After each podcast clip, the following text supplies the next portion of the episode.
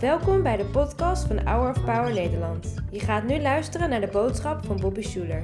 De boodschap is in het Engels.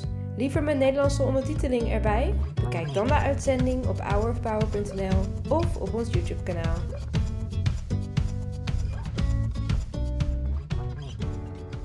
Welcome to Shepherd's Grove. We're so glad you're here. Would you stand with us? We're going to say this creed together as we do every week. Quiet your heart for a moment.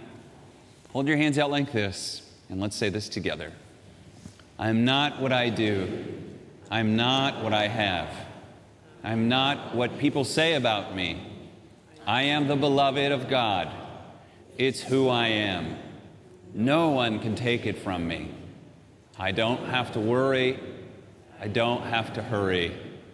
I can trust my friend Jesus and share his love with my neighbor. Thanks, you can be seated. A lot of us are dealing with bad news, either in our personal lives, something has happened recently, we didn't expect it to happen, but it, out of the blue, this terrible thing happened, or many of us, we just watch the news or we are on Twitter all the time and we see economic worries, we see worries of war and rumors of war. We worry about viruses and we worry about our states and our cities. We worry about politics. Feels like there's a lot of bad news. And we live in a world that capitalizes on bad news. It presents the worst news it possibly can to you, and then it presents to you a Del Taco commercial to make money off of that bad news. And in a world like that, we need to have faith. Faith in God is a belief that there is something good happening that we can't see. Faith is a trust that when we're living life in God's kingdom, time is on our side. I want to encourage you today that God wants us and wants you to trust Him if you're facing bad news. You may not be able to see the good that's going to happen, and you certainly probably can't see the good that's happening now. But if you believe God's word is true, if you trust in it, if you know it, and if you stand on this news instead of what you see on the television, I want to promise you things will turn out better. And even in those moments where you can't believe in your heart, let me believe for you. God's word is faithful even when we're faithless because he cannot deny himself. That's what the Bible says. I remember a little girl on the monkey bars, very young, maybe four years old, maybe five, and just behind her with hands just a few inches from her waist, hovering, was a young dad. And this girl, it looked like she had not done monkey bars often, but she was going one, two, three. Made me think of when my daughter was a little girl. She's a teenager now. But uh, I remember that feeling of being a dad, just ready to catch her whenever she falls. You assume maybe she's going to fall, but you'll catch her, it'll be fine. But life is a bit like that girl, isn't it? If you're a little kid on the monkey bars, you actually can't see your dad when you're moving, but you kind of know he's there. And you kind of know if you fall, he'll catch you. And you still get a little scared sometimes. Sometimes your palms get a little sweaty. But at least you know I can try one more bar because I know he'll catch me if I fall. Journey of life is a bit like that, isn't it? It's doing things you didn't think you could do before, taking a risk. Because even if you fall, you know the Lord will catch you, and He will. His arms are very strong. His will for you is good. His eyes are full of favor and life and love for you right now. Doesn't matter how old you are, God's much older. You're still a kid in His eyes. Life with God is good. And if you want to please God in life, have faith and walk by faith and live by faith and make your decisions by faith. Pray with faith. Do everything you do with faith. Everything. Faith pleases God. You want to please God? Please Him with faith. So many of us, we think, you know, the Pharisees thought pleasing God meant honoring the Sabbath and not eating shrimp. and all of these things. But it's faith that pleases God. So, the question as a disciple that I have to ask myself when I look in the mirror is do I trust God? Do I just trust Him? And do I trust that His Word is His will? And we ought to stand on that. Do I trust the goodness of God, the joy of God, the honor of God, that God's honorable and faithful to what He said? And if I do, my life will be better. You can trust God today. You can take risks, even if it seems embarrassing or weird, you can take risks for God today. So many of us, we think it's about our tribe, our denomination. And one of the places Jesus points this out most to us is when he comes home to Nazareth. Go back with me to Israel, just returned. Of course, uh, it was so great doing these sermons in Israel, and I hope to go back and do this again. Behind me is a picture, hopefully, of a synagogue in Capernaum. This one was actually built in the sixth century. It was built on the location of the old synagogue, and this is very much what a synagogue in Jesus' day. So, this is Capernaum, the main city that Jesus did a majority of his ministry in, and this would have been the temple that he was, uh, the, forgive me, the synagogue that he was normally in. There are many synagogues around Israel because, you know, a lot of Jews, especially those who didn't live in Jerusalem, couldn't go to the temple, so they gathered around the rabbis and very much like how we have church worship this morning, they would have it in their own way in their synagogues, as many Jews still do today. Before they would go into the synagogue, they would wash in the mikvah. I've spoken about this before. Mikvah is a cleansing pool. The men and women would separate and you would wash. You would wa- and you prepare yourself to become to be clean and separated before the Lord. So you would wash your head, which is Lord, give me clean thoughts You wash your chest, which is saying, Lord, give me a clean heart. Remember, the heart in the Bible does not mean your emotions, it means your will. Means what do you really want? And, and what you want is shown by what you choose to do. You all, many of us want lots of things, but it's the one that governs our actions. You may want to be a family man and you may want to succeed in your job, but whichever gets more of your attention is what you really are. It's what, what your heart really is. And there's lots of scenarios like that in life. Oh, Lord, give me a heart after you, after what you would want. That would be washing the chest, washing the legs. Lord, I'll go wherever you want me to go, and washing the hands. Lord, let my actions be good. Let all that I do be good. Let me love what is good and hate what is evil. And the people, after washing, now would come cleansed and come in the right state of mind and heart and come into the synagogue and would gather in sometimes a sort of circle and every day there would be someone from the community. Sometimes it would be a young teenage girl. Sometimes it would be an old man. Sometimes it would be a rabbi. And, some, and this changes over time, but in Jesus' day it was something like this. We're not 100% sure, but there would be a platform called a bema, sometimes with a thing called a Moses seat. And there, the person who was set apart for that day would read seven scriptures. And at the end of the last and final scripture, they would, that, that scripture reading would be about 20 minutes. After that, they would give what's called a derishah, which is a two minute sermon. Can you imagine only two minutes? Not fair. I don't like that at all. But anyway, it would be about two minutes, and it would be a two minute reflection on what I learned from these passages before I read them. What a cool thing to do. And the way you would know who was reading that Saturday morning, that Sabbath, was there was a custodian of the synagogue, not a rabbi, called a hazan. Today, I think in synagogues, hazans are like cantors and they set up a lot of the worship. But back then, and they did some of that, the hazan would oversee the worship and they would put up three years in advance. Everyone say three years. Uh, uh, the, the, the scripture readings for that day, they had what in the Presbyterian church we call lectionary, right? It was a list of pre selected lists of scriptures for those days. So Jesus returns to Nazareth. Why does he return? It might be that he's on the list to read that day. Probably is. A lot of scholars think it was. Nazareth, the place where Jesus is from, was a very small community, probably 250 to 400 people. It didn't exist in the Old Testament. And that's because this village, there's speculation about this, but that in Jesus' day, there were still more people living in Babylon than there were living in Israel. Did you know that? And over the years, they were still returning to Israel. And many of them who were returning more recently we're returning to the northern region of Galilee. Nazareth comes from a word Nazare, which means a shoot. It's called Shootsville, and everybody that lived in Nazareth was a descendant from Jesse, King David's father. And the belief was someone from this town is going to be the Messiah because the scriptures say the Messiah will be a descendant of Jesse, a descendant of King David. So they called it Shootville. Of course, the Bible also says he'll be born in Bethlehem, so I don't know how they squared that away.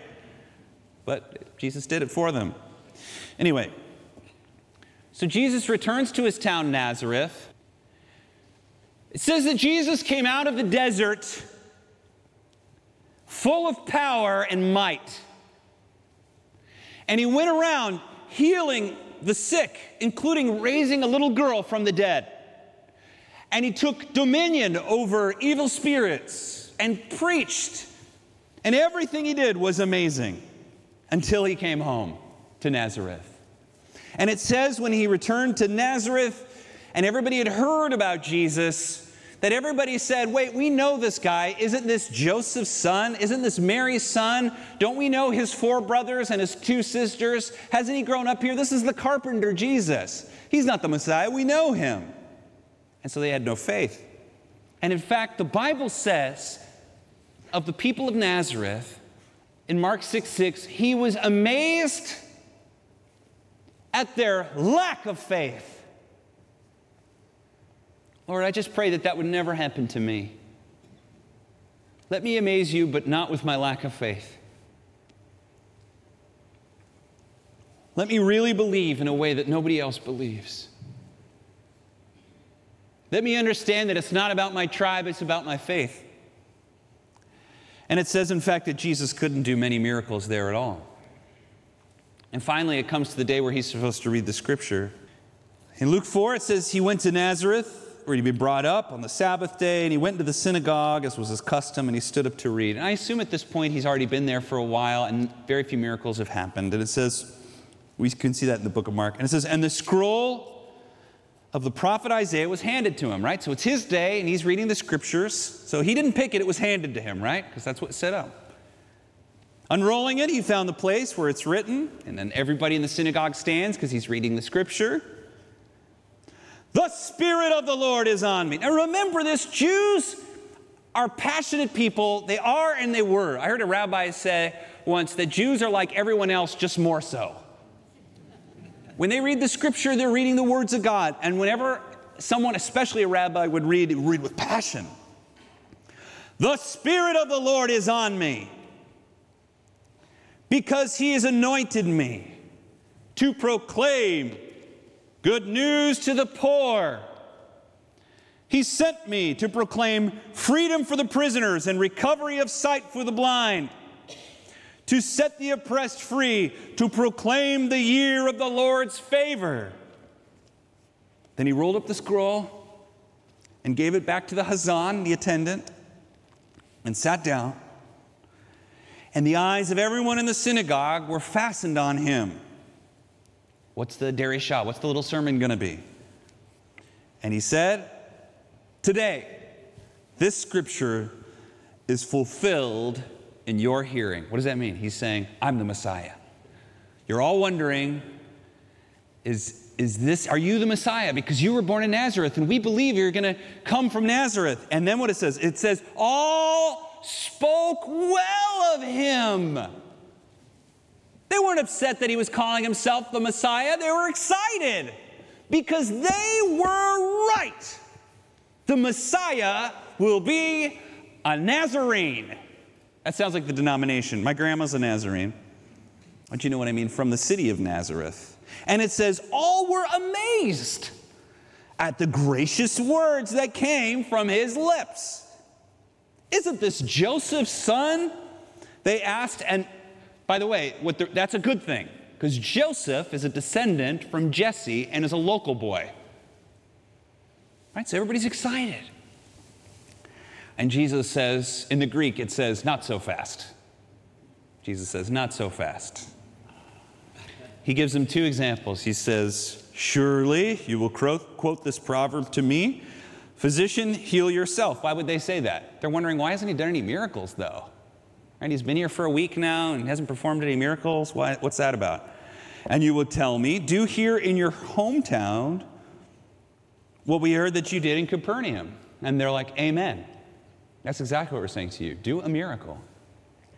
And he says, Truly I tell you, he continued, no prophet is accepted in his hometown. I assure you that there were many widows in Israel in Elijah's time when the sky was shut for three and a half years, and there was a severe famine throughout the land. And yet Elijah was not sent to any of them, but to the widow of Zarephath in the region of Sidon. You know that story? Uh, King Ahab is cursed, and Elijah, the one who curses him because of his child sacrifice and worship of, of foreign gods, etc., God tells Elijah, Go to Zarephath, and I have, I have instructed a widow to make sure that you have all the food you need and to take care of you. And when Elijah gets there, the widow did, hadn't, hadn't heard anything about that. She didn't know that. Isn't that a funny part of the story? You know, God, God had instructed her, but she didn't know she was being instructed. And so when Elijah arrives there, he sees a woman and she's gathering some sticks by the gates. And he says, Please bring me a glass of water. She nods, she goes to get the water, and as she's walking away, and he says, Oh, and can you please bring me a piece of bread? And she turns to him and she says, Sir, I have just a little handful of flour left and just a tiny bit of oil, and I'm going to use this to make a donut, right? Because oil and flour makes a donut. I'm going to use this to make a, some bread, and my son and I are going to eat it, and then we're going to die because it's all we have left. And Elijah says to her, Don't be afraid. Fear not. Can I just say that to you today?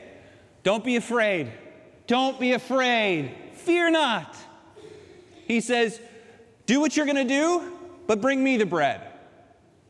Now, she has a choice there, doesn't she? She is not Jewish, she is pagan. She's from Lebanon. She doesn't know Yahweh God, even though God has instructed her, right? And she has a choice.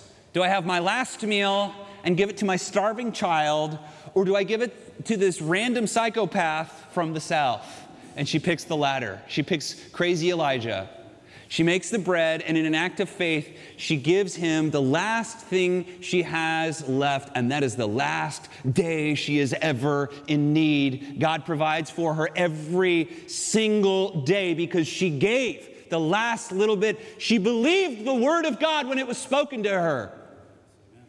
I don't know if I have that kind of faith to take my child's last piece of bread and give it to the Lord. But she did. And this was accredited to her as righteousness. That was what pleased the Lord. And that's what Jesus tells these Nazarenes who have no faith. And he says, I tell you that there were lots of people who had leprosy uh, in the time of Elijah, yet only one of them was cleansed, and his name was Naaman the Syrian. Naaman the Syrian, another pagan from Syria who came all the way, and he came before the, the prophet Elisha and had leprosy, and the prophet sent a messenger to him, even though he brought this whole entourage of camels and wealth and money. The prophet wanted to almost embarrass him, bring him down from his altar, and said, Go and rinse in the Jordan. And he was all upset. And one of the servants said, if, if he'd given you something hard to do, you would have done it, but you're upset that he didn't come out and talk to you. Just go do it. Just go, go, go try. And Naaman did it, and he was cleansed. And it says all the people in Nazareth were furious when they heard this. And they tried to stone Jesus, but they couldn't, of course. It's not so many of the things we think it is that pleases God. It is faith. It's faith. Do I trust God? If I trust God, I will act like it's possible. If I believe God, I will first believe it's possible. Do you believe God can bring you a miracle? The one you need right now, do you believe it really? Live life with absolute confidence. Act like it. Act like the child who, even though her hands are getting tired, she reaches for the next monkey bar because you know God will catch you. Begin to do scary things full of faith because you know that God's will is good for you. Believe it and act on it today. And this is not only the best way, it's the only, only way to really live a, a Christian life. I don't know about you, I'm done with dry, dead religion. Right? We don't want that. We want a bold, amazing faith. Let us be the people that take action according to our faith. Amen? So, Lord, we just bring our hearts before you, and some of us say, we don't have any faith. Maybe you say to us, open your Bible. Or maybe you say pray, or maybe you say listen. So, Lord, we come before you and we ask that you would swell our hearts full of faith and help us to be the kinds of people that love to take action. Lord, we love you and we thank you. And it's in the strong name of Jesus we pray. All God's people say, Amen. Bedankt voor het luisteren naar de podcast van deze week. We hopen dat deze boodschap jou heeft bemoedigd. Wil je meer weten over Hour of Power of dagelijkse bemoedigingen ontvangen? Ga dan naar www.hourofpower.nl.